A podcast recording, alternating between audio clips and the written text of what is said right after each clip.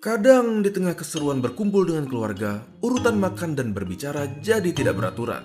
Saking serunya ngobrol sambil menyantap makanan, ada saja kejadian berupa tersedak. Siapa sih yang suka di saat tersedak? Di tengah kepanikan itu, apakah kalian tahu apa yang harus dilakukan? Begini caranya. Pertama, pastikan kalian memberitahu orang yang tersedak untuk tidak panik dan arahkan mereka untuk batuk saja. Ingat ya, jangan beri air minum di saat sedang tersedak. Hanya berikan air jika sumbatan sudah keluar. Jika tidak bisa batuk, maka arahkan badan sedikit menunduk, lalu tepuk punggung dari bawah ke atas. Gimana? Cukup berguna bukan? Ngomong-ngomong, video ini merupakan kolaborasi antara Palang Merah Indonesia dengan Neuron. Yuk belajar pertolongan pertama biar siap bantu sesama.